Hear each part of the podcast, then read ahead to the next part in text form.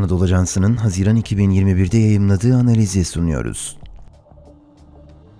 İsrail'de toplumsal kaos derinleşebilir. Yazan Selimhan Yeni Acun Seslendiren Halil İbrahim Ciğer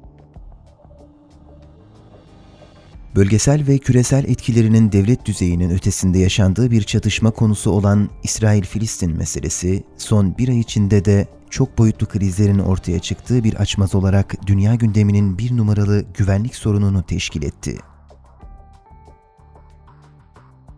İsrail'de sancılı dördüncü seçim, Benjamin Netanyahu'nun alevlenmesinde payının olduğu Kudüs ve çevresinde başlayan toplumsal gerilimin kontrol dışına çıkması, Filistin toplumuna uygulanan tecrit, baskı ve şiddetin en üst safhaya ulaşması, İsrail'de yaşayan Arap nüfusun benzeri görülmemiş bir şekilde ayaklanması, İsrail siyasetinde daha önceki çatışmalardan farklı yeni kutuplaşmaları ve yeni ittifakları ortaya çıkardı.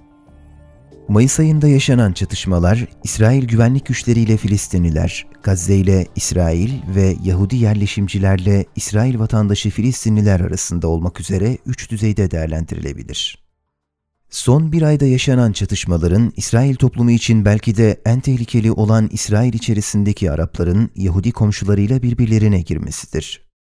Arap İsrail, Aşkenaz Seferat, dindar seküler ve zengin fakir gibi temel ayrışmaların yaşandığı İsrail toplumunda uzun yıllar İsrail vatandaşı Filistinliler ve Yahudiler arasındaki toplumsal gerilim, intifada dönemleri hariç ilk kez fiziki şiddet boyutuna evrildi.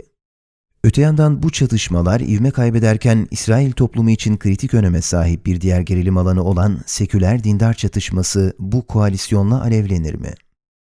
Bu iki temel soru koalisyonun ülkeye ne kazandıracağı ve Netanyahu gibi siyaseti kişiselleştiren bir figürün İsrail siyasetinde daha ne kadar kalacağıyla yakından ilgili. Yeni hükümet, yeni İsrail. Netanyahu karşıtı bloğun bir araya gelerek kurmaya çalıştığı birlik hükümeti, İsrail toplumunun öncelikli sorunlarından biri olan İsrail vatandaşı Filistinlilerle Yahudiler arasındaki ayrışmayı giderebilecek mi? Netanyahu ve temsil ettiği zihniyet siyasette yer aldığı sürece bu gerilim ve çatışmaların kesinlikle sona ermeyeceği öngörülebilir. Zira daha hükümet güven oyu almadan yasa dışı yerleşimcilerin Mescid-i Aksa'ya yönelik tehditleri ve provokatif eylemlerinin her geçen gün arttığını görmekteyiz. Yine aynı fanatik cenahtan koalisyona katılma kararı alan sağ partilerin liderlerine yönelik ölüm tehditleri ise toplumdaki kutuplaşmanın ne raddeye geldiğini açıkça gösteriyor. Ayrıca hükümette sandalye sayısı fazla olacak Lapid ve Sol bloğun, geçen dönemde Netanyahu'nun ortakları olan Gantz ve Saar'ın hükümetin aldığı kararlardaki sorumluluklarını nasıl göz ardı edeceği de merak edilen bir diğer konu. Özetle İsrail siyaseti Netanyahu yönetiminden kurtulmak için olağanüstü bir çaba göstererek toplumun farklı kesimlerinden aktörleri paydaş edindi. Öte yandan Netanyahu döneminde devletin karar alma mekanizmalarında belirleyici bir güç kazanan aşırı sağcı zihniyetin İsrail siyasetinde uzun bir süre etkisini hissettireceği aşikar. Bu nedenle kurulduğu günden bu yana İsrail siyasetinin kontrol altında tutmaya çalıştığı toplumsal ayrışmalar daha da derinleşmeye devam edecektir. Yüksek lisansını Kudüs İbrani Üniversitesi İsrail Çalışmaları bölümünde tamamlayan Selimhan Yeni Acun, Şangay Üniversitesi Küresel Yönetişim Araştırma Merkezi'nde araştırma görevlisi olarak çalışmaktadır.